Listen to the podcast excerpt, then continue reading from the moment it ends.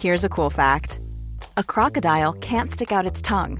Another cool fact you can get short term health insurance for a month or just under a year in some states. United Healthcare short term insurance plans are designed for people who are between jobs, coming off their parents' plan, or turning a side hustle into a full time gig. Underwritten by Golden Rule Insurance Company, they offer flexible, budget friendly coverage with access to a nationwide network of doctors and hospitals. Get more cool facts about United Healthcare short term plans at uh1.com.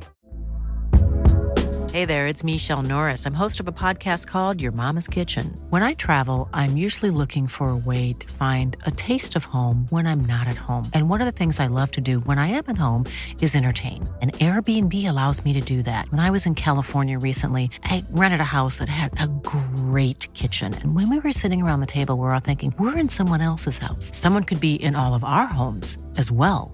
If you have a home, but you're not always at home, you have an Airbnb. Your home might be worth more than you think. Find out how much at airbnb.com/slash host. A lot can happen in three years, like a chatbot may be your new best friend. But what won't change? Needing health insurance. United Healthcare Tri Term Medical Plans, underwritten by Golden Rule Insurance Company, offer flexible, budget friendly coverage that lasts nearly three years in some states. Learn more at uh1.com. Da satt vi her, da, og du i våte bukser. Jeg sitter i våte bukser. Ikke på den positive måten. Nei. Nei, men det er fordi at jeg har én bukse som passer nå. Eh, så den eh, måtte jeg vaske i går fordi Bernhard hoppet i en sølepytt og søla til hele buksa. Eh, og den var jo ikke da tørr i dag tidlig, Nei. men eh, jeg hadde jo muligheten til å ta på en strømpebukse og en kjole. Gjorde det, leverte i barnehagen. Revna hele strømpebuksa på vei hjem. Har du blitt litt stor, eh, frue? Det kan du si. Eh, og da var eneste alternativ, for jeg hadde ikke flere strømpebukser, å ta på meg den våte buksa. Men revne strømpebuksen altså, av at du este ut? Nei, jeg skulle Alle jenter kan relatere, tror jeg. Jeg skulle liksom trekke den opp på låret, for jeg følte at den begynte å sagge litt. Fordi magen er jo litt større nå. Eh, og da revna den nedover hele låret. Ja, Fordi låret var for stort?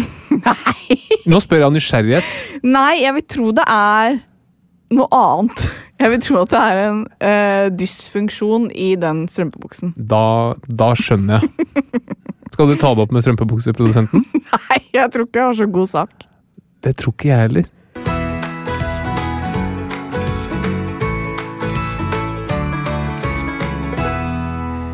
Hei og hjertelig velkommen til eh, den episoden før sommeren som er den nest siste, kan man jo si. Det er én måte å si det på, og jeg svarer takk, tusen. Takk, tusen, ja, ikke sant.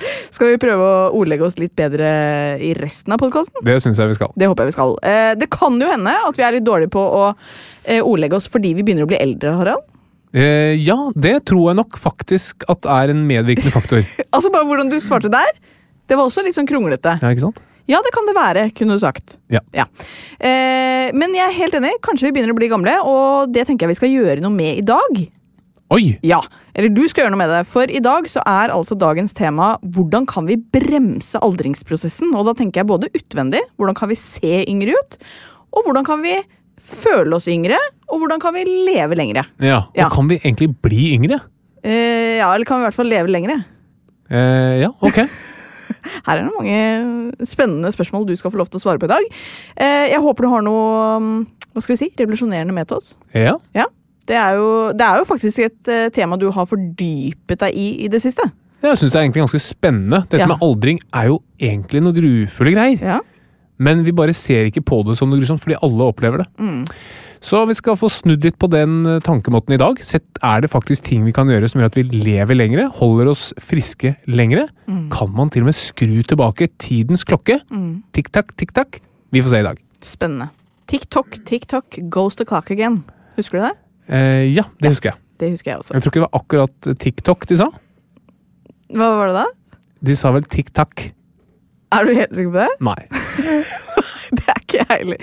Men hadde det vært en For det er jo kanskje ikke alle som tar denne referansen, for vi er jo gamle. Uh, dette var jo en populær låt uh, på Var det 90-2000? Nei, det må ha vært kanskje 90-tallet. 2000-tallet.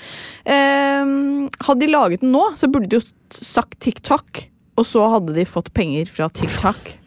Det Fra TikTok, altså den takk, de der små godteriene. TikTok? Ja. Ja, nettopp. Eh, anyways Det, dette var jo da en uh, popgruppe som ble satt Ja. sammen i et reality-program, var det ikke det? Jo, altså, jo, jo. En, en kunstig produsert popgruppe. Ja. Som var veldig Eh. uvanlig på den tiden, men som nå er langt vanligere. ja, Var det Cape de het? Jeg tror det. Eh, og bare sånn, den låta het Tic Tac. Da vet du det. Ok. Bare så vi ikke driver um, Driver missevisende misvisende læring her. Eh, men det skjer spennende ting i denne podkasten nå. Hvis du syns dette er kjedelig å høre på, så kan jeg love deg at det blir mye mer spennende når vi får besøk av ukas gjest, som er Agnete Huseby. Og hvem er det? Det er Agnetesh. Ah, Ja, da tar du det. Da tar jeg det umiddelbart.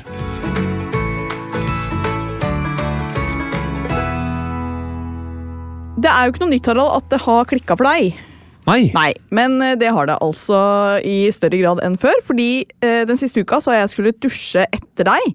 Eh, og da skulle jeg på dusjen, og så er jeg vant, eh, vant til at det ofte blir fort varmt. Fordi du har jo allerede på en måte vært i dusjen og gjort den varm. Eh, hvis det gir mening. men nå har det vært et helvete å få det varmt. Ja. Fordi du har altså eh, avsluttet hver dusj, slik jeg skjønner, med iskaldt vann. Ja. Ja, Hva er det nye greiene du driver med? Nei, altså i min, eh, mitt dypdykk i aldring Ja, så har jeg lært en del ting. Mm. Og det jeg har lært, er jo blant annet at kroppen, hvis den utsettes for stressorer, Mm. altså ting som er utøvende for kroppen, så er det beskyttende for kroppen. ja, Blant annet eh, høy varme, f.eks. i en badstue, og sterk kulde. ja. Og så har jeg blitt eh, lei av å se på alle disse som driver isbader hele tiden. Ja, det er veldig provoserende mennesker. jeg har, det gjør meg vondt både å se på det, og Ja. se, jeg gjør det ikke selv. Nei. Men tenkte jeg, Harald Doblei, nå skal du øh, Dette tåler du. Ja. Så har jeg bare de siste dagene skrudd vannet i dusjen på iskaldt vann. Hvor lenge står du av? Eh, nei, står til jeg ikke bryr meg lenger. Oi! Mm. Oh ja, så du, er du er nummen? Ja, man blir nummen. Men vet du hva? Det er en stor mestringsfølelse. I dag glemte jeg å gjøre det. Ja. Jeg sa det til deg på vei hit. Ja. Jeg kjenner det. I dag har jeg ikke fått istusjen min. Men eh, som kone da, til deg, så må jeg jo si at det er mye greier om dagen. ikke sant? Du har dette dusjgreiene, og så driver du med mye kremer i ansiktet, og så er det den blodsukkermåleren din som skal sjekke blodsukkeret ditt. Eh, du har ringen som måler søvnen, og readiness, og hva er det den ikke måler. Det er veldig mye ting, eh, og eh, vi diskuterer dette litt med produsenten vår her. Uh, hun spurte også kan det bli for mye. Nei. Nei. Jeg skulle hatt mer. Du skulle hatt mer. Hva ville du hatt? Det jeg skulle hatt, og, som jeg venter på skal komme på markedet, det er en hjerterytmeovervåker. Ja, ikke sant. Nettopp. Og ikke først, og det er litt som med blodsukkermåleren også. Det er ikke bare for meg selv, men det handler om at For alle oss som kan få høre hvordan det står til med hjerterytmen din. det er eh, til glede for alle som hører på. Tusen takk for at du tenker på oss. Men jeg har også skjønt det at måten vi driver medisin på, ja. er veldig eh, Den er snudd litt eh, feil vei. Mm. Fordi vi går til legen én, kanskje to ganger i året etter vi har fått en plage. ja. Og da kan legen hjelpe. Men før så er det ikke så mye hjelp i disse legene. Nei. Og det er litt dumt. Og særlig kanskje for hjerte og med dette med hjerteinfarkt. Nå er ikke jeg en risikogruppe for hjerteinfarkt, men det vil nok ganske snart være mulig å kjøpe en ting du bare klistrer på brystet, som følger med på hjerterytmen hele tiden, og som vil kunne fortelle at nå er du i ferd med å få et hjerteinfarkt. ja, fordi eh, en Apple Watch den gjør jo ikke det, men den sier noe om det. Ja, Du kan ta hjerterytmen, men da må du selv skru det på. Ja. Men du vil jo vite det i forkant. Litt samme med blodsukkermåleren. Hvis du, eller det kan være med kreft også. jeg tror Der kommer det til å komme en revolusjon de neste årene. Hvis du går til legen din og sier sånn Hei, jeg lurer på om jeg har kreft i tarmen. Så spør legen din jeg har du noen symptomer på det. Så sier du nei. Nei, Da kan du komme tilbake etter du har fått symptomer. Ja. Da kan du få hjelp. Ja. Det er veldig bakvendt. Ja. Det burde vært at legen forteller deg du, nå ser jeg at du er i ferd med å få kreft i tarmen. Eh, ta denne behandlingen her, så blir du kvitt det. Og det kommer til å komme ganske fort. Ja. Jeg har jo også hatt eksamen siden sist. To av tre eksamener er eh, ferdig. Vet jo ikke sånn helt hvordan det gikk, for det, det får man ikke vite før etter hvert. Men eh, jeg hadde jo en kjensle da jeg gikk ut derfra, og den var grei. Den var bra. Ja, den var bra da. Men så blir den alltid litt dårligere etterpå, fordi du begynner å tenke på ting du sa og gjorde. Men, eh, men eh, den var bra. Jeg tror det gikk greit. Eh, Det var en grusom form for eksamen. Eh, Det er eh, bare å advare mot de som eh, lurer på å studere dette studiet. Fordi det er jo, jeg tror jeg har nevnt det før, men det er jo i hvert fall en stasjonseksamen hvor det er ti forskjellige rom. Du får syv eh, minutter inn i hvert rom, så det piper i en, en, en Mus? Nei. Det piper i en lyd eh, som gjør at da går du inn i rommet, så har du syv minutter til å løse oppgaven som er der, og så, når det piper, så må du gå ut igjen til neste rom. Eh, og det kan være alt fra at det er en pasient der, eh, hvor du skal undersøke og prøve å finne ut av et eller annet, eller du skal snakke med en pasient og gi en dårlig beskjed, du skal utføre hjerte-lungeredning, du skal ta en spinalpunksjon av eh, ryggen til noen, du skal legge inn et urinkateter på en dukke, du skal ta en gynekologisk undersøkelse, du skal tolke et EKG. Altså det er hva som helst, da. Som du har lært i løpet av seks år på studiet. Og så er det jo skuespillet som gjør dette her. Ja, eh, og det er jo veldig fint. Eh, blant annet var jo en av oppgavene at jeg skulle gi et eh, budskap om at eh, vi hadde funnet en hjernetumor på et bilde eh, til en pasient, og skulle jeg overlevere den beskjeden til pårørende. Ja, og de hadde jo for bare to uker siden, Ja. en uke siden, om eh, hjernesvulst. Ja, Hjalp det? Nei, jeg vil ikke si det, fordi det de er ute etter i den oppgaven, er jo kommunikasjonsevnen din. til Ba du å... pasienten om å høre på den episoden? Nei. Det kunne vært et eh, artig grep. ja, det kunne jeg gjort. Jeg var ikke i det humøret at jeg turte å slenge inn sånne ting. Eh, og så gjorde jeg ja, måtte utføre ultralyd av hjertet på en pasient. Eh, Oi. Gjøre en ekko. Mm. Føler du at quizen vi har hatt i denne podkasten har hjulpet deg Nei, til denne imot. eksamen? Tvert, Tvert imot. imot, ja. Eh, Så det følte jeg ikke. Men eh, jeg tror det gikk bra. altså. Jeg tror det gikk bra. Men eh, etterpå så er det faktisk Det stresset jeg følte kroppen min ble utsatt for der og da, var liksom ikke verdt den deilige følelsen etterpå. Fordi det er jo ofte sånn når du er ferdig med en eksamen sånn åh, yes, dette var litt gøy, på en måte. Mm. Jeg syns egentlig ikke det, altså. Nei, det er jo noe dritt. Det var helt grusomt. Men du nærmer deg å bli lege. Tenk det. Mm. Ja, et par dager til nå, så er det siste. Kan, har du tenkt ut hva det første du skal gjøre som lege? Skal du skrive ut en medisin? Skal du Mm. gjennomføre et kirurgisk inngrep? Jeg tror at øh, Ja, man, man får jo lyst til å skrive ut en resept på et eller annet. Mm, hva da? Man har jo lyst til noen sterke saker, men det er jo ikke lov med det første. Nei, Jo. jo, jeg kan gjøre det, men ikke til folk jeg kjenner. ikke sant? Så, Jo, ja, men det må være en sterk indikasjon for det. Det er vel ikke ulovlig, det er bare Nei, ikke men jeg tror jeg skal være forsiktig med at det første er å skrive ut B-preparater til deg. altså. Men det, det Hvis det var lov, og hvis det var moralsk akseptert, så ville du gjort det? Ja. Hva ville du skrevet ut da? Uh, nei, nå har jo vi sett denne Dopesick, da. Skulle du skrevet ut noe oxy, Oxynorm til deg? Ja, men er det et B-preparat? Ja, Oi. er det ikke det? Nei. Er ikke det B-preparat? Nei. Kan man få utskrevet det uten videre? Nei. Er det A? Ja. Ah, ja det er A, ja. Et A-preparat. ja. Mm, nei Hva ville jeg skrevet ut da? Kanskje litt ehm, Nei, jeg vet ikke. Hva ville du skrevet ut? Eh, Jeg tror jeg ville skrevet ut Vival. Det er også fint. Det tror jeg, det tror jeg er godt og deilig. Mm, mm. Det har jeg ikke prøvd, og det tror jeg nesten ikke jeg vil prøve. Nei, jeg tror ikke det heller. Men eh, hvis vi kunne Mm. tatt, Vi snakket om det mye de jeg studerte sammen med, å ta en helg hvor, Og bare jeg, teste alt. hvor vi tester alt det. Oi. Men vi har ikke gjort det enda. Nei, det er jeg veldig glad for. Jeg håper ikke du planlegger å gjøre det med det første. Eller. Men ja, eh, et par dager igjen, så er vi forhåpentligvis eh, tilbake neste uke og sier eh, halleluja, jeg er ferdig lege. Eller så gråter jeg og er lei meg for det. Ja, Fordi du stiller opp i podkasten uansett om du står eller trykker? Ja, jeg føler jeg må det. Nå har jo dere lytterne fulgt denne veien så langt, så tenker jeg at da må jeg stå inne for hva som skjer videre her og nå, ja. Mm. Jeg må det. Nei, men Vi gleder oss. Vi ønsker deg alt lykke og hell på veien. Takk. Men før det så skal vi jo ha litt mer pod, da. Ja, det skal vi.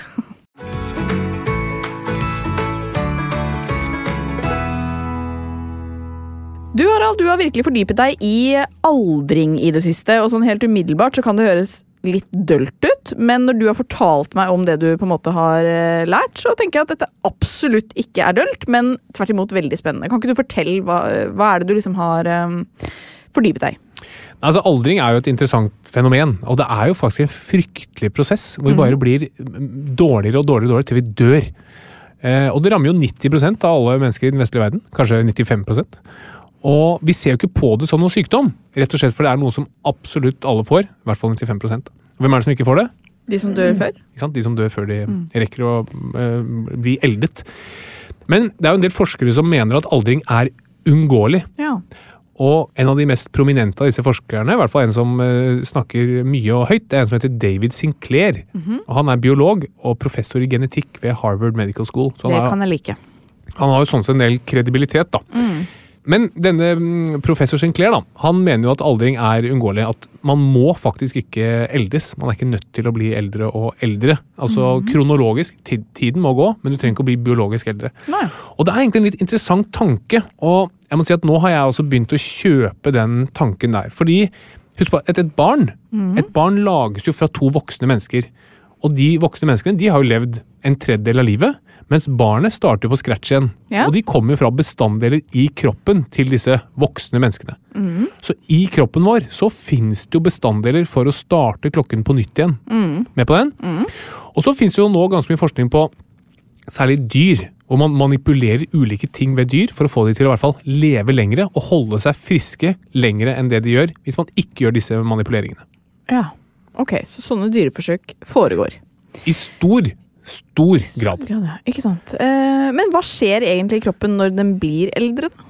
Altså, Aldring er at cellene i kroppen vår de gradvis mister sin funksjon. Altså blir dårligere og dårligere til å utføre det de egentlig skal gjøre. Og det gjør da at organene våre og vevet vårt i kroppen mister funksjonen sin, helt til vi til slutt dør. Organet dør. Fordi da er de så dårlige, de cellene? Helt riktig. Ja. Og det handler nok om at cellenes evne til å reprodusere seg selv, altså det, det er sånn vi vokser, eh, både fra barn til voksne, og sånn vi opprettholder funksjonen som voksne, er at cellene våre deler seg selv. Så en levercelle som begynner å bli slitt og gammel, så deler den seg i en ny celle. Men hver gang den deler seg, så blir den litt dårligere. Du kan se for deg at du lager en, en kopi av et eller annet ark, og så kopierer du, kopierer du, kopierer du. Etter hvert så blir den kopien ganske dårlig. Og det er det samme som skjer med cellene våre. Og det samme er at evnen cellen har til å reparere seg selv, også blir dårligere etter hvert som tiden går, etter hvert som den kopierer seg selv. Og hvis du tenker at aldring det er et gradvis funksjonstap som ender med døden, det er jo egentlig også definisjonen på en sykdom. Et eller annet gradvis funksjonstap som ender med død eller skade. Men siden igjen, siden de fleste vil oppleve aldring, så ser man ikke på det som en sykdom. Og det gjør nok at det forskes lite på, og det har nok ikke vært anerkjent som en sånn eh, hva skal si, kredibelt forskningsområde. Eller har kanskje ikke fått så mye status knyttet til å forske på aldring. Men så skulle man jo tenke at eh, legemiddelfirmaene er jo ute etter å lage ting som de kan tjene veldig mye penger på. Og hvis de hadde funnet opp et eller annet da, som man vet at eh, bremser aldring på et eller annet vis, så har du jo funnet eh, gullgruven. Eh, Det er et veldig interessant innspill, og det er nok riktig. Problemet er bare at aldring er ikke noe indikasjon for en medisin. Nei. Så et legemiddelfirma vet at jeg kan godt lage en medisin, men jeg må få leger til å forskrive medisinen. Og så lenge legene ikke ser på aldring som en sykdom, så Ja. vil man ikke. For det fins medisiner Ja. som bremser aldring. Og det gleder jeg meg faktisk veldig til å høre mer om, for de er jeg litt interessert i. Men eh, for å ta det litt sånn i kronologisk rekkefølge her, eh, hva er liksom de vanligste tegnene til aldring? Altså Det er da igjen at cellene, vevet eller organene våre ikke fungerer så godt som de gjorde tidligere. Eksempler er jo at man får mer smerter fra muskler og skjelett, som er veldig vanlig. Det merker man jo allerede fra man er rundt 30 år. At huden ikke er så spenstig som den var, det merker man jo kanskje fra 20-årene. At vi husker dårligere, eller at håret begynner å bli grått, eller at menstruasjonen begynner å bli uregelmessig. Alt dette er tegn på at nå har cellene i kroppen vår man har laget så mange kopier nå at de begynner å bli litt dårligere enn det de en gang var. Men eh, i hvert fall for min egen del så kjenner jeg jo at eh, jeg blir på en måte mer og mer opptatt av aldring etter hvert som jeg blir eldre. Sånn at liksom en gang jeg begynner å få rynker, så tenker jeg at ah, her må jeg gjøre noe. Eh, ikke noe kosmetisk sånn sett, men kremer og lignende. Eh, hvor tidlig bør man egentlig begynne å tenke på aldring? Altså, det som er viktig, En viktig disclaimer her fra min side er at man trenger jo ikke å gjøre noen ting. Nei, jeg er sier ikke at aldring er en sykdom, og det å bli eldre er jo noe som er fantastisk, fordi vi vet jo hva alternativet er. Det er jo ikke å bli eldre, og da er man jo død, og det Ja. vil vi jo helst ikke. Um, så hvis jeg bare kan si det først, at jeg syns ikke man trenger å gjøre noe med aldring. Men hvis, um, hvis du vil hindre aldringstegn, så tror jeg man skal begynne så tidlig som mulig, faktisk. Og der er jo jeg advokerer mye for bruk av solkrem, og der er jo én faktor er selvfølgelig at det kan redusere um, melanom, altså føflekkreft og hudkreft generelt. Men aldringstegn er også en viktig grunn til at jeg anbefaler bruk av solkrem. Ja. Um, og så er det dette med kosthold og bevegelse. Og det det ser ut til, er faktisk at det viktigste man kan gjøre, i hvert fall hvis man vil leve lengst mulig, det er å spise sjelden. Altså faste. Um, det er gjort veldig mange dyrestudier på dette her. Eh, dessverre få på mennesker, men, men noe. Um, igjen fordi det ikke er en sykdom. Men man kan få dyr og mennesker til å leve ganske mye lenger til å både redusere matmengden man får, men også med å øke tidsintervallet mellom måltider. selv om man spiser det samme. Altså ved å sulte. Ja, ok, for det er det som er fasting. For det jeg lurer på der, er hva, hva mener du egentlig med fasting? Eh, kan man spise like mye som man pleier, men bare sjeldnere? Ja, Ja. Det ser man at påvirker en del sykdomsprosesser og aldring. Oi. Og du kan få mus til å leve 10-15-20% lenger ved å bare få dem til å eh, hoppe over måltider. Altså gå perioder uten mat, og så spise samme mengde, men på kortere tid. Hva er det mat gjør med kroppen? da? Ja, hva er det mat gjør med kroppen? Det det ser ut som, er at kroppen har hva skal man si, to moduser. Et modus som er sånn her er det i overflod, her er det bare å spise, bygge opp, trenger ikke å reparere noen ting. Her er, alt går bra. Det er det ene moduset. Og det andre moduset er oi, tenker kroppen. Her er vi liksom i, i Her må vi spare litt på, mm, på kreftene. Vi må sørge for å reparere det vi har, for det er ikke sikkert vi får ny mat, nye byggesteiner til å bygge opp nytt. da. En litt dårlig sammenheng er kanskje med klær.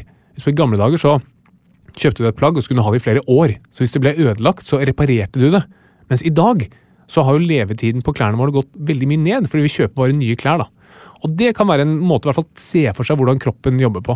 Men det jeg kjenner da, er at eh, jeg får litt lyst til å prøve det. eh, Og hadde sikkert ikke hatt så veldig store problemer med å faste 16 timer i døgnet og, og så spise det jeg ville ellers. Men det vil jo påvirke livs... Jeg skal ikke si livskvaliteten, men det vil påvirke livet mitt hvis man begynner med sånne ting.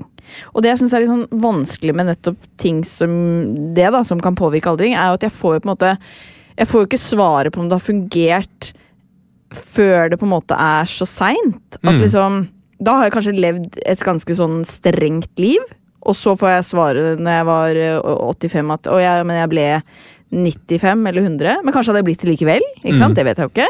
Eller så dør jeg en ulykke tidligere. Ikke sant? Altså det er, det er noe i meg som tenker sånn Skal jeg gidde det der? Ja, ja, og det er en helt riktig vurdering man må ta. Og jeg tror ingenting er så bittert som hvis du lever et asketisk og kjedelig liv Nei. i mange år, og så blir påkjørt en buss når du er 40. Ja. Da vil du tenke at var det verdt det. Så det er en viktig avveining å gjøre. Så nå forteller jeg bare hva vitenskapen Ja forteller om hva som kan få deg til å leve lengst mulig. Mm. Men det er faktisk også gjort studier på dette med fasting, som viser at man, er, man, man presterer kognitivt bedre. Man presterer faktisk også bedre med trening Mm. av å ha fastet i perioder. Men hvis man tenker at du, dette er helt håpløst, jeg vil ha frokost, lunsj, middag, snacks og kveldsmat, så skal man absolutt gjøre det. Jeg vil ikke advokere for hver, eh, verken det ene eller andre. Men du spurte om hvor tidlig man må begynne, og det tror jeg egentlig er ganske tidlig. Og da kommer det særlig til kosthold. Og det ser jeg også på med barn og ungdommer, og for så vidt meg selv. Hvis, jeg tror vi spiser ganske mye mat som setter kroppen i en litt gæren modus, og da tror jeg raske karbohydrater er ille.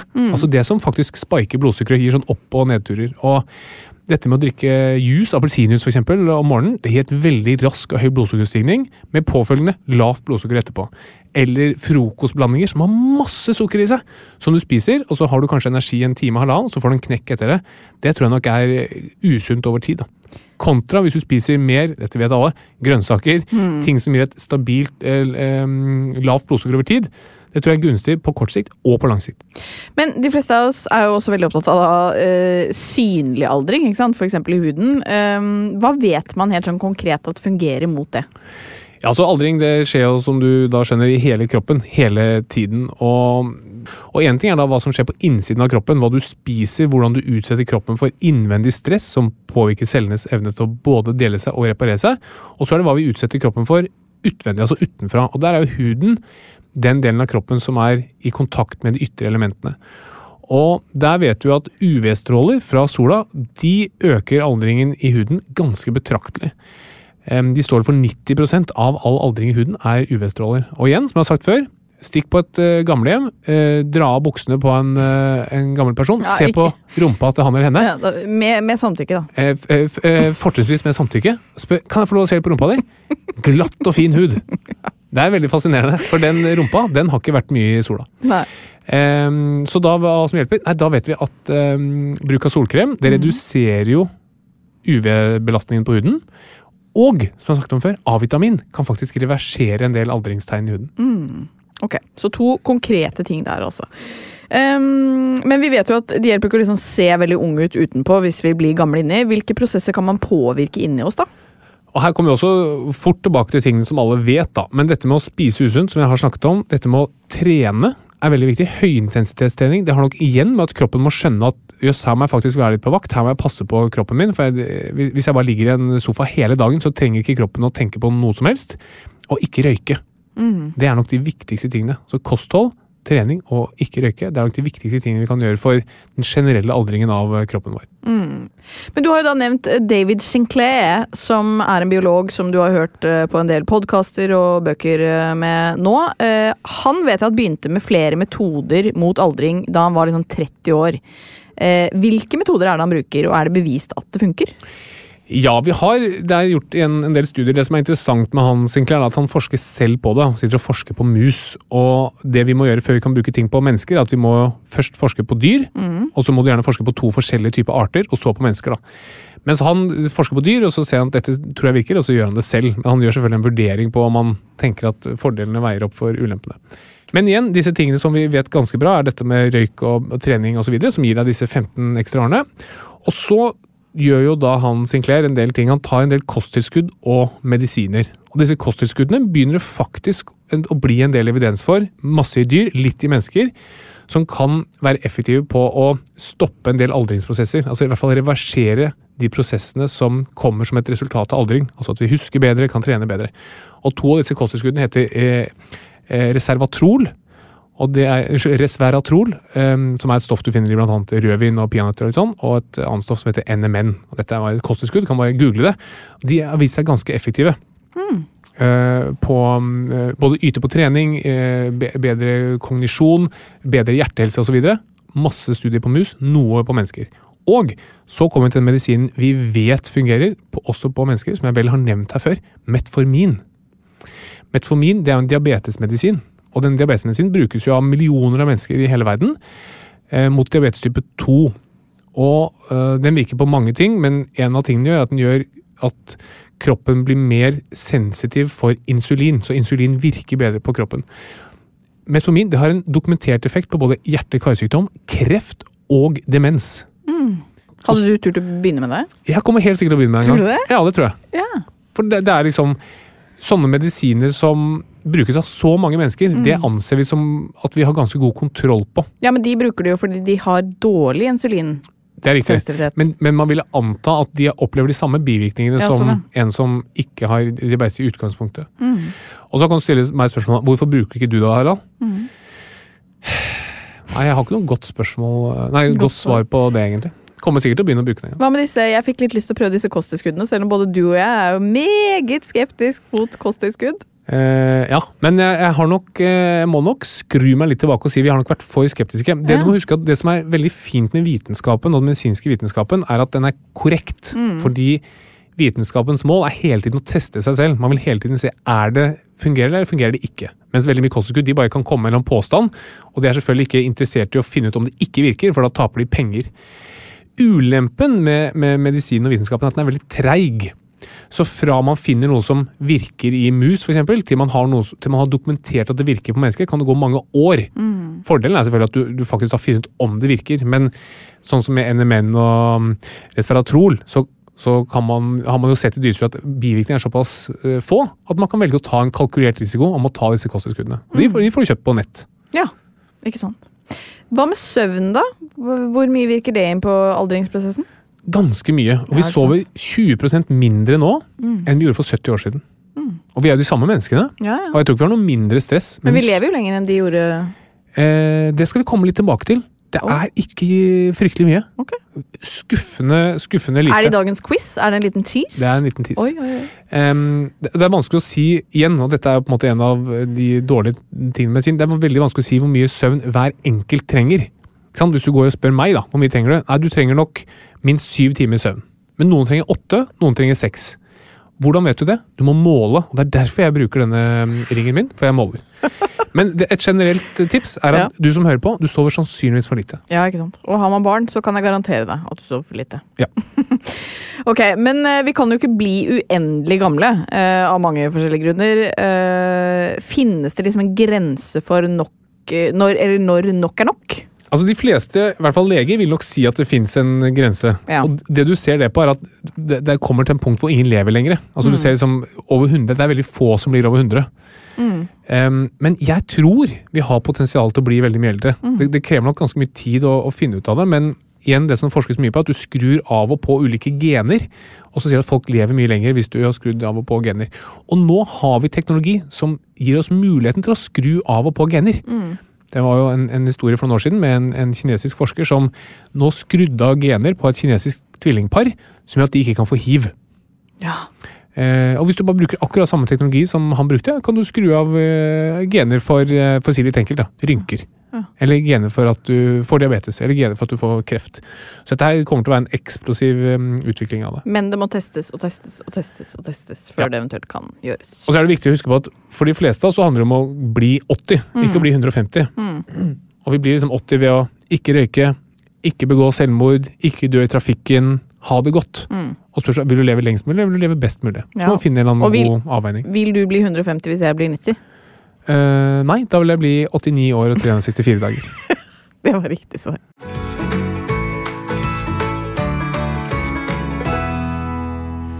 Dagens lyttespørsmål det handler om uh, noe som er en uvane hos mange, tror jeg. Er det usunt å bite negler? Mm, ja, du får jo i deg en del dritt, da. En del bakterier og virus, og du øker nok risikoen for sykdom. Mm. Altså de som biter negler, av, eh, har større sjanse for å bli matforgiftet, f.eks. Hvis de grafser rundt i ting og tang. ja. Og så øker du sannsynligheten for neglerotsbetennelse, Uff som er ikke farlig, men det er irriterende. Ja. Så mm, sånn sett så vil jeg si at det er usunt, ja. Jeg vil jo tro at mange etter pandemien kanskje ikke gjør det. At man har blitt mer bevisst på hva som er på hendene våre.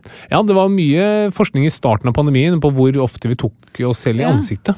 Eh, For man tenker at det var en bidragsytende faktor til å bli syk, og det er det nok. Mm. Så jeg tror alt det fra pilling i nesen til å bite negler øker nok sannsynligheten for sykdom, ja. Mm. Flott. Så kan du slutte, så ville jeg nok sluttet. Ja, det ville jeg gjort.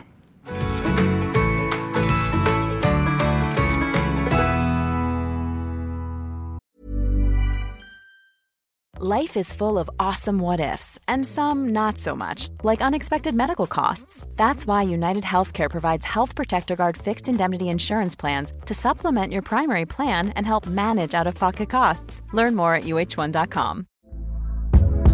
Hey there, it's Michelle Norris. I'm host of a podcast called Your Mama's Kitchen. When I travel, I'm usually looking for a way to find a taste of home when I'm not at home. And one of the things I love to do when I am at home is entertain. And Airbnb allows me to do that. When I was in California recently, I rented a house that had a great kitchen. And when we were sitting around the table, we're all thinking, we're in someone else's house. Someone could be in all of our homes as well.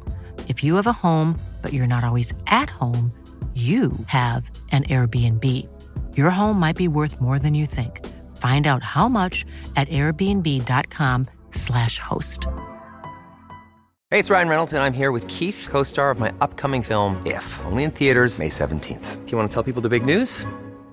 Right, I'll do. Sign up now and you'll get unlimited for $15 a month in six months of Paramount Plus Essential Plan on us. Mintmobile.com slash switch. Upfront payment of $45 equivalent to $15 per month. Unlimited over 40 gigabytes per month. Face lower speeds. Videos at 480p. Active Mint customers by 531.24 get six months of Paramount Plus Essential Plan. Auto renews after six months. Offer ends May 31st, 2024. Separate Paramount Plus registration required. Terms and conditions apply if rated PG.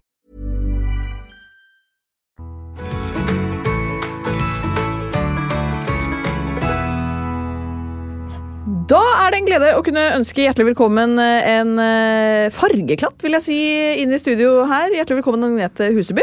Tusen takk. Og hei til Pippi, som jeg driver og koser med her nå, for du har med hunden din. Ja, hun er med stort sett alle steder. Så koselig. Ja, ja. Men du er, når jeg sier fargeklatt, så er det fordi du har på deg altså mye farger i dag. Ja, men Kan jeg eh, gjette? Kan jeg gjette hvorfor? Ja, gjett. Vil du gjette? Pride? Ja, Pride. ja. Ja, er? Eh, å ja. Det, jeg skulle ønske det var fasiten. Men det var egentlig bare fordi at nå var det endelig sol på Det har ikke vært sol på dritlenge, så jeg, sånn, jeg må ha på meg en T-skjorte med et eller annet på. liksom. ja, ikke sant? Men det passer bra til pride, da, så det, jeg kan si Ja, at for du er ikke imot pride? jeg, er ikke, jeg er ikke imot pride. Nei, Nei bra. Veldig bra. Jeg tror ikke det er så populært å si.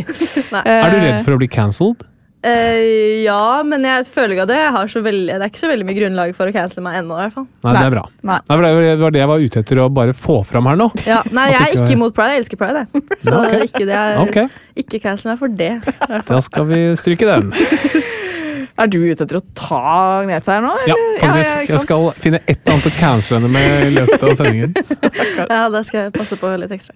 Men du, Hvordan står det til med helsa di? Jeg føler at du kanskje er sunnere og friskere enn noen gang. jeg. Ja, jeg er faktisk det, føler jeg. Ja. jeg. Helsa går det veldig bra med. Ja. Jeg trener masse og koser meg, og jeg føler meg frisk og rask og sterkere for hver dag. Så deilig. Kan jeg få komme med en observasjon? Ja. Du, du gløder. Ja, det er Takk. Ja, du altså. stråler. Du ser liksom bare sånn ordentlig sunn og frisk og glad ut. Ja, takk, det, jeg føler meg. Det er sånn jeg føler meg, så det er fint at det syns eh, også. Ja, det er jo eh, en bonus, tenker jeg. Ja, absolutt. Eh, Men fortell, hva, altså du trener masse. Hva Ja. er rutinene nå, da? Nei, nå, nå syns jeg bare det er så gøy. Så jeg, har, altså, jeg hadde egentlig et mål om å liksom, ok, fire ganger i uka. Etter at jeg var ferdig med 16 uker skjelvet. Sånn, ok, jeg må holde det gående, men jeg trenger ikke gjøre det så mye som jeg gjorde da. Men så har det bare blitt så morsomt fordi mamma har blitt med. Ja, jeg har sett det. Ja, Og hun er liksom akkurat blitt 65, har liksom aldri trent noe på treningssenter før. Så hun har på en måte fått en sånn ny nybegynnerglød, hun også. Og da blir det virkelig helvete når du får med mutter'n. Ja. Men hun syns det er like gøy som meg, så nå er det bare en skikkelig sånn hyggelig familiegreie. Så gøy. Så nå trener jeg fire, fem, seks ganger i uka. Kommer an på hvor mye tid det er. Ikke sant. For jeg har jo sett da på Instagram at det slås jo rekorder med styrkeløft her og styrkeløft der. Ja, jeg klarte 102,5 kilo faktisk på mandag.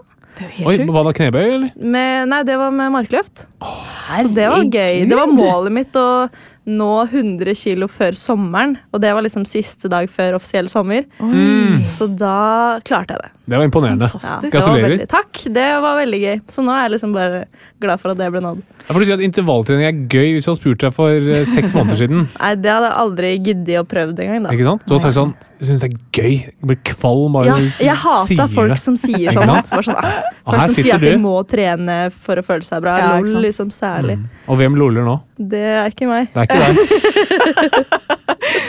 Men du var jo med på 16 ukers helvete. Ja. Var det, eh, hva fikk du ut av det? Hva jo- sånn kroppslig? Eh, altså, jeg fikk jo Jeg har jo aldri vært glad i å trene, så det var jo på en måte det meste jeg fikk ut av det. Annet enn det så fikk, ble jeg jo veldig sterk, da. Mm. Og fikk eh, mye mer sånn selvkontroll og følte at jeg virkelig liksom kan gjøre det jeg setter meg som mål. da. Så det var egentlig bare en super mestringsfølelse, da, hele den greia. Hele reisen. Mm. Så deilig. Ja, og det er ikke så lenge. 16 uker er ikke så lenge. Nei, det er lenge nok. Det er 112 dager. Jo, men sånn, du, er jo, du er jo et litt sånn annet menneske på andre siden, da. Ja, Ja, ja, absolutt. Så det, har jo, det var jo, gikk jo egentlig ganske kort tid før jeg merka forskjell. Så det var Mm. ikke så mye som skulle til, egentlig. Mm. Så det, men det har vært bare dritgøy. Merker du forskjell på helsa da? Før og ja, etter? Veldig. Hvordan da? Jeg føler meg friskere. Jeg føler meg bare bedre. Jeg føler at jeg kan gjøre mer. Jeg tør å begi meg ut på ting jeg ikke hadde gjort før. Og så alle mulige aktiviteter. Jeg er ikke så redd for å liksom prøve det. Mm. Og jeg er ikke redd for å bli sliten. Jeg føler at jeg liksom får til ting da, Mm. mer. Eller jeg vet ikke. Jeg vet ikke om jeg egentlig får til ting bedre, men jeg prøver i hvert fall. Så da er det jo bedre enn det jeg gjorde før. Men det sier jo litt om hva trening gjør også med den mentale helsa, da, ikke sant? Ja, ja, absolutt. Fordi man plutselig har den inngangen til ting som du har nå, at man er litt sånn ja ja, kast hva du vil på meg, og jeg tar Ja. det, liksom. Det er litt det. Og så tenker jeg, hvis jeg ikke klarer det, ja, men da vet jeg hvor langt jeg kom nå, så kan jeg prøve senere. Så Ja. kanskje jeg klarer det da. Men hvordan er du da? Er du sånn som går og bekymrer deg for sykdom? Nei, jeg bekymrer meg veldig lite, egentlig. Men det er bare fordi at jeg har egentlig liksom er rolig med å tenke sånn Ja, ja, men jeg får sikkert kreft, men det går helt fint. Da tar jeg det da. Men, ja, Unnskyld at jeg ler, men det er veldig avslappa holdning til kreft. Ja, men jeg har hatt så mye kreft i familien, så jeg tenker sånn, ja, men det er usannsynlig hvis jeg ikke får det. på en måte. Ja. hva tror du sjansen din er for å få kreft?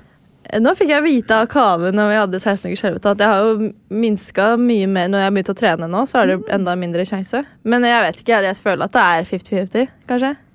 50-50. 50-50. Jo, men det er kanskje ikke så langt unna. Fordi de, altså, nå er det vel en tredjedel av oss som får kreft, og det er vel snakk om at Ja, før vi er halvparten av oss 70. eh, Ja. Ikke sant? Så 50-50, i hvert fall du har det i familien. Det er nok ikke utenkelig, Ja. det. Nei, nei, men jeg er ikke redd for det. Jeg tenker, ja, ja, jeg skal ikke dø av det. Det har jeg jo ikke noen planer om. Jeg Nei. kan godt ta det, og så er jeg ferdig med det etter det. Det er en bra innstilling. ja, veldig. Så jeg er ikke noe redd for det, da, men jeg, bare, jeg er sånn, ja, ja, det kan komme. Hva slags type kreft er det som har vært i familien? da? Eh, vi har hatt Mamma hadde brystkreft, broren min hadde lymfekreft, eh, bestefaren min hadde testikkelkreft. Mm. Så det er de som jeg vet, i hvert fall. Testikkel er du forhåpentligvis eh, Ja, ganske den, beskyttet eh, mot. Sjekker du de ofte? De sjekker jeg veldig ofte, Det er bra. så de står bra til med. Du sjekker dine daglig, gjør du ikke det? Eh, nei, jeg hadde en samboer som pleide å være nede og ta en titt innimellom, men eh, det er blitt litt eh, sjeldnere kontroller. Ja, det- Da må du gjøre det selv. Må man det? Ja. Hva har leger til da? Men er det sånn, undersøker du brystene dine? Eh, når jeg kommer på det, men det er sånn Ja. en gang i halvåret, kanskje. Ja, ikke Jeg burde være flinkere på det. Men jeg syns jo Jeg også burde være flinkere på det, men jeg syns det er ubehagelig. Jeg synes det er sånn Jeg tror det er to ting. Jeg syns det er alltid liksom vondt å klemme på puppen, men det er Mm. også at jeg, synes det er sånn Åh, jeg er så redd for å finne noe, på en måte. Ja, det er jeg enig i. Altså. Men eh, jeg vet ikke, brystkreft er jo veldig lite dødelig nå, tror jeg. Mm. Så det er jo det jeg er minst Hvis man for. oppdager det tidlig, da. Ja, Mm. det er sant. Ja, nei, så det, jeg regner jo med at det er egentlig det jeg får, kanskje. Ja, jeg liker at du regner med. Men, men det jeg syns er bra med å ha den tankegangen, er at da lever jeg på en måte nå. Da. Jeg, jeg vil ikke vente med å leve fordi jeg er klar over at det kan skje ting. på en måte. Mm, mm. Så da tenker jeg sånn, ja, ja, men hvis jeg får muligheten, så er det sånn, ok, jeg må jo bare ta den, for jeg vet jo aldri på en måte hvor lenge jeg er frisk, eller hvor lenge jeg kan gjøre de ting her. Mm. Så det gjør jo på en måte at jeg griper dagen mer, kanskje. da. Ja. Eller jeg, jeg har en uh, mer positiv holdning til hver dag, på en måte. Har du en eh, bucketlist?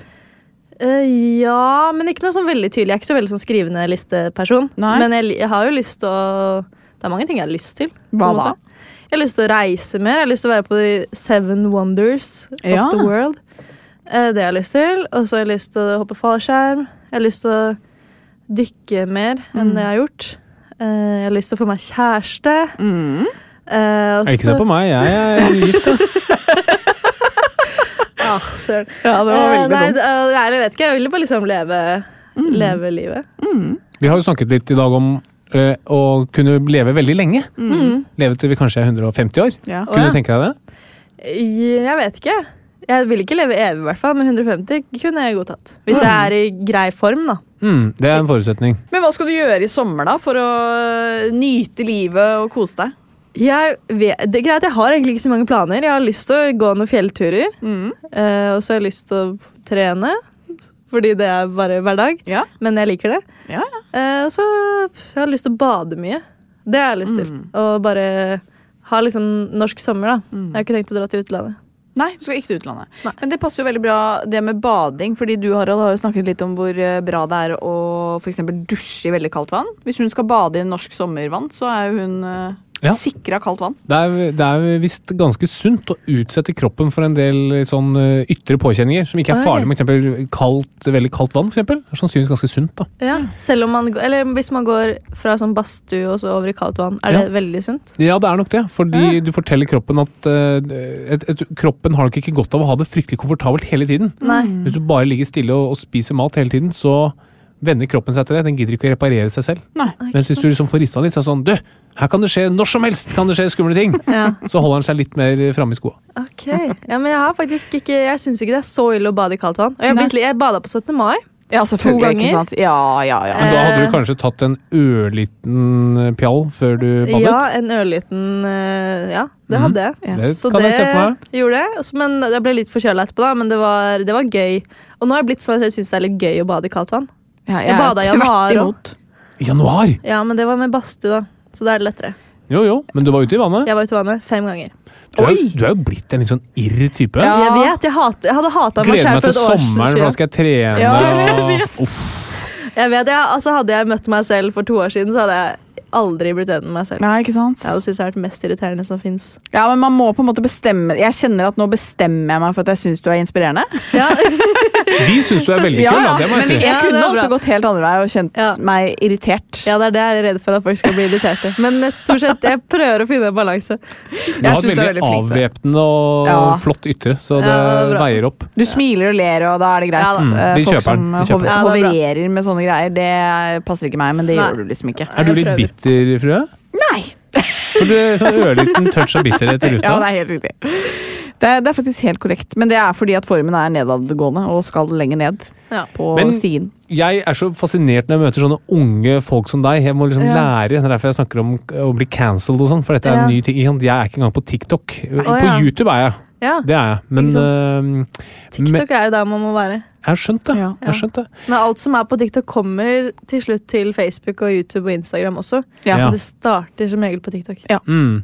Men uh, du vil finne en kjæreste. Hvordan dater man? Er det Tinder? Ja, men jeg er så dårlig på det. Jeg skal faktisk på singelfestivalen i juni. Det høres veldig gøy ut. Som er første gang i år. Uh, hvor det er 200 jenter og 200 gutter. Alle er single, og så er det en landfestival. Så Det er jo jeg, helt har meldt genialt. meg på det. da. Ja, så smart! Ja, Men jeg aner ikke om det blir vellykka. Men jeg, det er i hvert fall et grep jeg har gjort. Kjempeletteritt. Kjempesmart. Men kan jeg da spørre, Fordi da føler jeg at man må bestemme seg på forhånd. Fordi det som fort kan bli Skal du gå med noen venninner? Ja, jeg skal dra med en venninne. Ja, ok, men bra, én venninne. For fort så blir det man drar med jentegjengen, og så blir Ja. det en gøy he helg Ikke eller dag, og så Det var det. Men nå må du jo dra dit for å på en måte sjekke. Ja, Mm. Ja. det er jo det jeg må. Og Du er på fisketur, og da skal Ja. man ha napp. ja. Ja. det er det. Jeg, jeg, jeg er helt klar, jeg. Ja, ikke sant? Og jeg egentlig syns dating er dritskummelt og uh, ubehagelig, nesten. Fordi jeg stoler ikke på folk. Nei. Gjør du ikke? Eller nei, jeg, nei. Hva er du redd for at de skal nei. Jeg er redd for at de skal like meg bedre enn jeg liker de. Og så tør ikke jeg å si ifra. Oh, ja. Det er egentlig det jeg er mest redd for. Du er redd for at de skal like deg bedre. Ja, ok. For da syns jeg det er så ubehagelig å skuffe folk. Jeg Bare Ja. sånn, ah, men jeg føler det ikke helt sånn. Jeg Du er redd for å bli for godt likt, rett og slett? Ja, Kanskje nei. Katarina kunne sagt. Veldig ydmyk. Nei, ja, nei, men det, det er ikke fordi jeg regner meg til Men jeg, er bare, jeg, jeg er ikke så god til å på en måte Avslutte. avvise Nei. folk, egentlig. Mm. Så Det er derfor jeg bare vil ikke komme i en situasjon hvor jeg plutselig sier at å, jeg kan bli med på hytta til familien din, og så vil jeg egentlig ikke. Jeg bare tør ikke å si noe. nei, nei, nei, nei. Nei, det Så må man det- ja, Men det er derfor jeg tenker at jeg må begynne å utfordre meg på det, sånn at jeg kan bli bedre. Mm. Eh, forventer du at de skal ta initiativ, eller er du klar til å Eh, jeg, jeg kan gjøre det, men jeg bare Nå føler jeg at jeg ikke vil det nok til å gidde. mm. Så jeg Mm. syns det er lettere hvis de gjør det, men jeg er egentlig ikke sånn at jeg, jeg har ikke noe, Det er ikke noe must, egentlig, men det er bare at hvis det skal skje noe, så er det jo smart at de gjør det. Er det mann du er ute etter? Ja. Utelukkende menn? ja. Mm. Er du god på å flørte? Eh, hvis jeg har drukket et par glass, så Ja, ikke da sant? er jeg veldig god. Men det er Et par glass det ren sprit? trenger man. Et par glass ren sprit er kjempegod, faktisk. Da begynner jeg å bli best. Må han være rik? Nei, det klarer jeg sjøl. Ja, ja. Alder? Helst eldre enn meg. Oi! Og det er ingen grense? Eh, jo For da begynner mulighetene å bli ganske mange etter hvert. Nei, jeg vet ikke, jeg føler ti år er vel kanskje maks, og det er litt i overkant. 36. Ja, Men det er i øverste laget. Da skal du være en veldig bra person. Mm. Er dette ageism? Kan vi få cancela noe her? Ageism? Ja, At du føler at du diskriminerer? Ja, hvis jeg er 40 Ja. og lytter, så tenker jeg sånn Jo, mm, men vi har jo ikke spurt. Kunne du tenkt deg noen på 18? Nei takk. Okay. Ageism. ageism no, double, double cancel. Hvis jeg lytter på 17 Men det er preferanser. Det går an å cancele. Ja, det går kanskje an, på en måte. Men, eh, ja, nei, men jeg føler ikke at jeg er så veldig bundet til så veldig mange Jeg har ikke noe sånn utseendemessig krav, Nei. egentlig. Bare egentlig mye mer om hva, hvordan personen er. Jeg hadde også det. Ikke noe krav til utseende i det hele tatt. Og det, det gikk det. greit. Mm, jeg sto i den. Jeg har en utrolig bra personlighet, da. Ja, ja, Mm. Tusen takk. Mm. Veldig selvstendig. Ok, men Det blir veldig spennende. Vi må jo nesten invitere Agnete etter sommeren vi da, for å få høre hvordan Ja. denne singelfestivalen gikk. Jeg, jeg kunne jo tenke meg en tur på Ja, jeg tror Ja. ikke du får kjø... Hvordan funker egentlig det? Altså, er de sikre på at folk er single? Du, de må stole på det. Ja, det må det. ja. Og så står det også når du kjøper billett på sånn Hvis du ikke er singel, så husk at du tar fra sjansen til noen Oi. som er single og har lyst på kjæreste. Tenk på det, her Ja. Så Hvis det er det. Ja da, jeg skjønner det. Så da må du få dårlig samvittighet. på en måte. Ja. Jeg kan dra på gift, uh, Giftfestivalen. Så ser du Altså- deg, så alle gift. Ja, jeg føler jo at det er kanskje på sånne festivaler det blir ligget mest. På giftfestivalen. Det Ja, ja, det blir Det er sånn swingersfestival, full- Ja, ja, full swingersfestival. Ja. Um, Det er neste singelfestivalen, og så swingersfestivalen uka etter. Men, det er ikke mye, men er, det sånn, har de liksom lagt, er det sånn du kan ha hotellrom hvor du leier på en, en time av gangen og sånn? Det vet jeg ikke. ikke jeg har ikke så- booka meg inn på noe sånt. i hvert fall Nei, hvor er den hen? Det er i Hadeland. Ah. Skal du sove i telt? Nei, det, er, det går sånn fellesbusser frem og tilbake, så det er bare én dag. Ah, ja. Nei! Jo, Du må jo, må jo Det burde ha vært et telt. Er du gal? jeg. Ja, jeg vet. Når er det den bussen går hjem, da? Nei, jeg vet ikke. Sånn i 11-12-tida. Å ja, det er så tidlig! Men den starter sånn i to-tida. Hvem er det som spiller? Ja, Alf er Prøysen, dagsfylla. eller? Aner ikke. Det har ikke kommet ut ennå. Jeg bare Men kan tenkte det være det er Alf Prøysen? Kan det Det kan, eh, det kan eh, ikke være det. Nei. Nei, Nei det det- kan det faktisk ikke Jeg være. tror heller ikke det. Hvis bussen går 11-12, du må ikke rukket å bli pærings nok Nei, men nå til er å vi dagsfylla. gamle. Dagsfylla. Det er dagsfylla. Hvis du tar et par shot midt på dagen, så går det helt fint. Det er som 17. mai, på en måte. Mm. Ja. Det er det sånn jeg ser på det, i hvert fall. ja, ikke sant. Ja. Uh, det er lenge siden du og jeg har vært på dagsfylla, Harald. Nei. Ikke på 17. mai Ja, engang. 17. mai. Ja. Var du på dagsfylla da? Lett! Nei, det var du da ikke. Du Det var på var én liten brunsj, og så var du sammen med Bernhard og meg hos noen venner. Ja. Ja. Og mellom der så var det dagsfylla. Det er ikke dagsfylla fordi du drakk to øl på dagen. Hei ho. Ok, greit. Ja, det er ikke Ja, ja. Ja. Ja, Det er vi eh, får se. Eh, men for å eh, stille et medisinsk spørsmål, Agnete. Hvordan tror du du hadde vært som lege? Eh, Jeg tror jeg hadde vært uh, Ja, som det der med å avvise folk. Jeg tror ikke jeg hadde turt å si liksom sannheten. Nei. Jeg hadde pynta veldig på det. Så nei, du vet hva, det her kommer til å gå kjempefint. Kreft Du og kreft. kreft, men ikke tenk på det, herregud.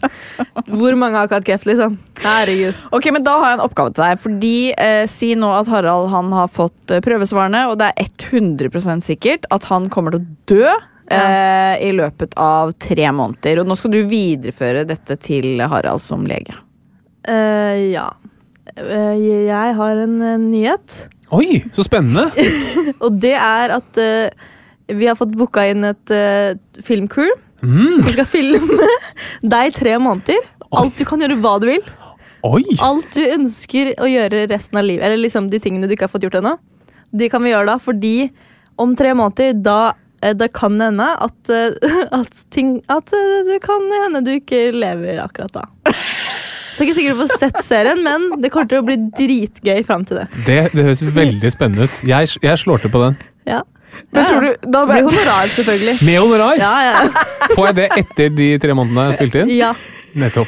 Det Det, gjør det. det kan jeg bruke på hva jeg vil. Det kan du bruke på akkurat hva du vil. Det blir mye. Jeg vil si at dette var akkurat sånn du sa det kom til å bli. Å pynte på, For her var det en kjempepositiv nyhet. Mm. Det var det. Eh, men jeg lurer på om pasienten Tror du pasienten hadde fått med seg at han skulle dø ut av denne samtalen? Nei, men du, Jeg likte det faktisk fordi det som det jeg liker her, er at du vet at personen skal Løsningsorientert. på en måte. Ja. ja, og personen skal jo dø om tre måneder. Sånn at Ja, han rekker ikke han ikke å saksøke deg eller noen ting. Og, og, og det, det kan ikke bli mer dritt. Nei. Sånn at da, da kan du nesten gjøre hva du vil. Ja. Og du bare prøver deg på et eller annet, fordi du har verdens verste beskjed. Ja. Du skal dø om tre måneder. Så klarer du likevel å snu noe. Jeg syns det var bra. jeg. Ja, takk. Ja, jeg også likte den. Jeg har en nyhet. Jeg, synte, jeg, ble, jeg ble glad, ikke sant? Men jeg syns jo at du klarte det greit. Jeg syns Ja, det. Jo, takk. Men Det jeg savnet kanskje litt mer direkte uh, dødsbudskap her. Ja, ja, det er det. det men det, det, er, det er jeg ikke noe god på. Tror ikke jeg skal bli prest heller. Nei, ikke sant? Men uh, det er jo veldig fint at uh, du ikke sitter med det medisinske ansvaret, tenker kanskje Ja, jeg. tenker Kunne jeg, du blitt sammen med en prest? altså. Nei, Hvorfor ikke? ikke? Fordi jeg er veldig ateist. Å ja. Er du? Ja. Hva, hva betyr veldig ateist? Nei, jeg tror ikke på noe sånn stjernetegn og sånn. syns jeg er tullete. Ja. Alle mulige sånne steiner man skal ha med seg. Og Du har ikke noen tullete. krystaller hjemme? Nei, som, eh, nei. alt som er overnaturlig, er litt sånn nei. Men hva tror du skjer når man dør, da? Da tror jeg man eh, bare dør. Og så er man borte.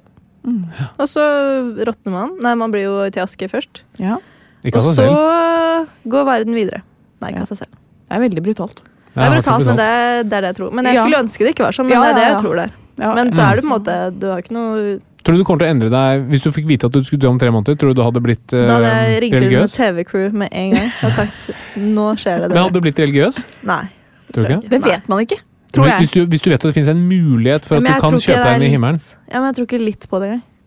Nei, men du, vil, du håper jo på det.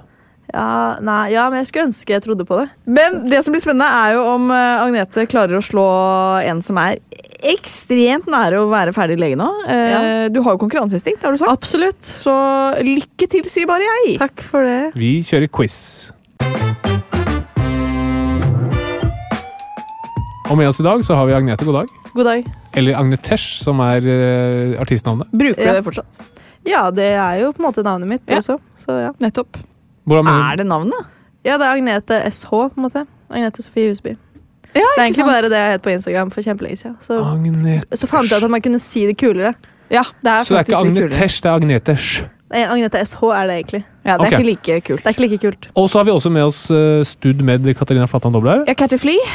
Eller Stagen ja. Katafly. Det er jo siste gang du er Stud med, forhåpentligvis. Ja, ikke si det bankebordet. Wow. Ja. Ja. Når er det siste? Nei, det er jo om en uke. Å, Ja. Kan vi si at denne quizen skal, kommer til å være indikativ på hvorvidt du kommer til å slå deg? Nei, det håper jeg ikke. Eh, Eller kan vi si det etterpå? Vi kan si det etterpå. Ok, tusen takk. Eh, Agnete Sch. Hvor gammelt var verdens eldste menneske? Som er noe har levd? Ja. Eh, 100 134. Oi. Er 118? 118 er helt riktig. Oi! Er det sant? det er det var ikke flaks. Det var ren flaks. Hæ? Mm. Ja, men det er jo, jeg er snart ferdig lege. vet Ja, det er det, vet du. Hva er forventet levealder i Norge, Katarina? Kvinner eller menn? Du kan ta hvem du vil. Eh, 80 87 for kvinner. 85 for menn. Og da er det faktisk Katarina som vinner igjen, for det er 85 for kvinner og 82 for menn. Oi, oi, oi, oi, oi, oi, oi. Hva var forventet levealder for 150 år siden i Norge, Agnete? 75. Katarina? Eh, 68. 50 år. Oi! Så lav, ja. Wow. 50 år. Hva heter filmen om mannen som aldri baklengs, Katarina? Eh, ja, ikke sant? Eh, den heter Det er jo med Brad Pitt, og han heter Agnete? Benjamin Button. Veldig bra! Poeng til Agnete. Kjempebra. Katarina, hva var forventet levealder for en mann på 80 år i 1850? 83. Vent, da. I 1850? Ja, En mann som var 80 år. Det var jo 50, da. Ja, men Hvis han var kommet til 80, hvis han var 80, ba, Så forventet hvor, hvor, hvor gammel var det forventet at han skulle bli? 80 80? 85. Oi, Å, så jeg vant det poenget. Ja, du, vi fikk til den. Og så kommer det en- et artig spørsmål. Oppfølgingsspørsmål. Så Agnete, Ja. hvis du var 80 år i 1850, så var det forventet at du skulle bli 85. Ja. Hvis du var 80 år i 2005, Ja. hvor gammel var det da forventet at du skulle være? Eller hvor gammel var det da forventet at du skulle bli? Hvis du stå 80 i 2005, Mhm. eh, pff, da tipper jeg 91. Katarina? Jeg tror poenget ditt her må være at det ikke var så stor forskjell, så da sier jeg 86. 87. Oi! Så hvis du var 80 år i 1850, så var det forventet at du skulle bli 85. Hvis du var 80 år i 2005, så var det forventet at du skulle bli 87. Ja, så det har ikke skjedd noen, Det har ikke skjedd noen verdens ting for de over 80 år. Det er interessant. Og det er interessant når vi snakker om at levealderen har økt så mye. Ja. Hvorfor har den økt så mye, Agnete? Fordi folk er friskere tidligere? Nei, jeg vet ikke. Ikke? Jo, jeg Barna dør ikke. Ja. Barna dør ikke. ja, Mm, fordi når barn dør, det trekker ned snittet så Ikke fryktelig. sant? Eh, Agnete, hva heter den amerikanske pasienten som i 1969 ble kjent fordi han hadde en lukkemuskulatur i baken som ble sterkere og sterkere? Herregud, Harald. Eh, hva han het? Ja. Eh, jeg har ikke peiling, jeg. Nei, jeg vet ikke. Benjamin Butthole. Ikke sant. Den er god. Den Nei, er fin, ja. Um, Agnete, hva heter det infamøse bordellet på Island? Kjent for sin gjennomsnittsalder på de prostituerte på over 70 år. Eh, bordellet? Ja. Hvor gjennomsnittsalderen på de prostituerte er over 70 år. det er vel uh, Swingers Forever. Godt forslag. Mm, jeg tror ikke jeg har noe bedre forslag, i hvert fall. Rynkur runkur. Oi, det er jo kjempegøy. Er ja. det sant? Ja, ja. Nei, det er ikke sant. Det er sant. Du er så full av skrøner at uh, hjelp. Det veit du ikke. Det vet jeg. Har du vært på Island? Nei, jo, det har jeg. Ja, har du vært på Ja, Rynkur mellomlandet. runkur? Nei, det Det burde vært et sted, i hvert fall. Ja. Navnet er i hvert fall klart. Um, Anette, siste spørsmål. Her er du muligheten til å gjøre en storeslem og vinne hele quizen. Ja. Hvilken kliniske tilstand får du hvis du har sen menopause, men tidlig demens? Hva med menopause? At du ikke lenger menstruerer. Altså overgangsalderen. Du har, ok, du har sen sånn. Ja, du kommer veldig sent i overgangsalderen, men du blir veldig tidlig dement. Eh, eh, det heter uh, uh, Alzheimer. Ja, Et skudd fra hofta der. Demensen. Ja, nesten demenstruasjon! Oh, Ja, demenstruasjon. Ja. Den skal du få poeng for. Jeg tror du vant i dag, Katarina. Tror jeg tror jeg ligger godt an jeg, til den eksamen. det skulle mangle. Veldig Ja, bra. Tusen takk, Anette. Jeg, jeg setter faktisk veldig pris på at du lot Ja. meg vinne Jeg da. gjorde det. Jeg tenkte ja, det blir litt dumt hvis jeg skal ta den her òg. Det lover bra for, det lover bra for eksamen. Det lover veldig bra. Eh, la nå alle som hører på, krysse fingrene, da. For Mm. at eh, jeg holder ut og står på denne siste eksamen. Ja, det kommer til å bli veldig bra.